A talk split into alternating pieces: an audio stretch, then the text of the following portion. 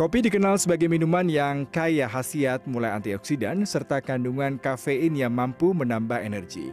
Beragam pilihan penyajian bisa jadi alternatif bagi pencinta kopi, baik kopi panas atau dingin yang punya pasar tersendiri. Lebih ke kopi dingin sih. Uh, ya lebih segar aja. Emang emang sebenarnya bukan anak kopi banget, cuman ya kalau ditanya dingin prefernya lebih segar kalau aku sih lebih suka kopi panas karena dia punya flavor. Untuk kopinya sendiri itu lebih keluar kalau buat aku pribadi. Dan kalau panas itu dia berasa lebih enak aja sih Menurut pakar gastronomi Dewi Turgarini, sejarah es kopi di Indonesia berawal dari adanya kedai kopi di Jakarta pada tahun 1928 yang menjual es kopi.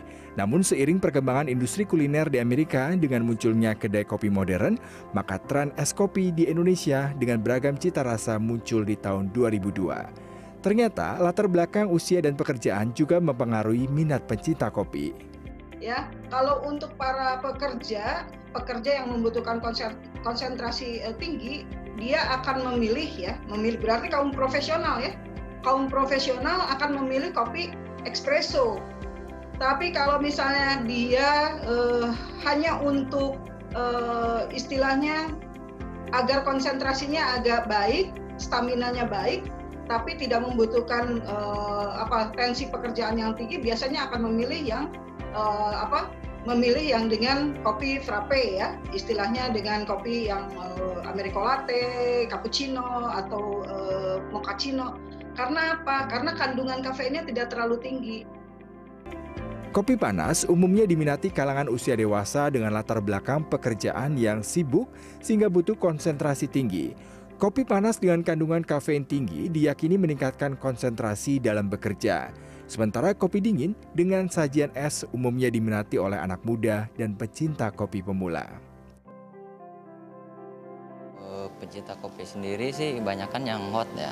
Eh, dari usia 30 ke atas itu kebanyakan yang minum kopi yang hot sih dibandingkan yang es.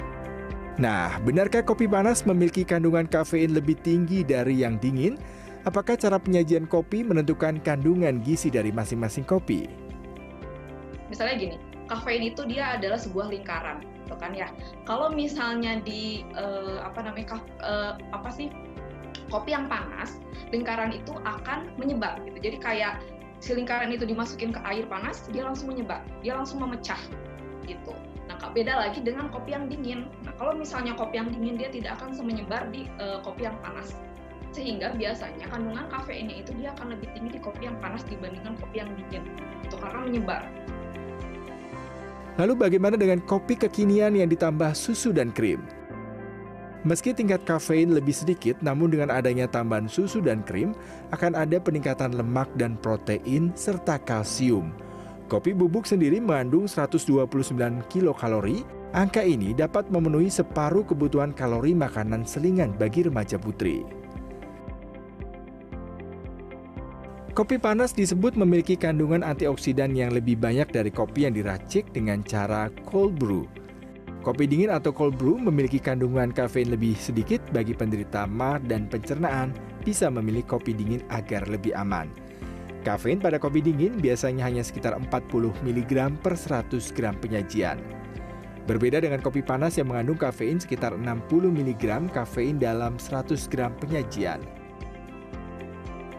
Meski kita bisa meminum kopi kapan saja, namun ada waktu ideal untuk mengkonsumsi kopi karena kandungan kafein bisa membuat kebiasaan tidur kita terganggu. Jangan minum kopi terlalu banyak. Batasi minum kopi dalam sehari maksimal 4 cangkir. Jika Anda mengalami sakit kepala atau nyeri otot, kurangi lagi porsinya. Hindari minum kopi di atas jam 2 siang ini bertujuan supaya efek kopi tidak mengganggu jam tidur Anda di malam hari. Pastikan juga asupan makanan Anda berimbang gizinya saat meminum kopi. Nah, kini tergantung Anda untuk menentukan jenis kopi yang Anda nikmati, mau yang panas atau es, semua kembali ke selera. Yudi Udawan, Ilham Aji, Jakarta.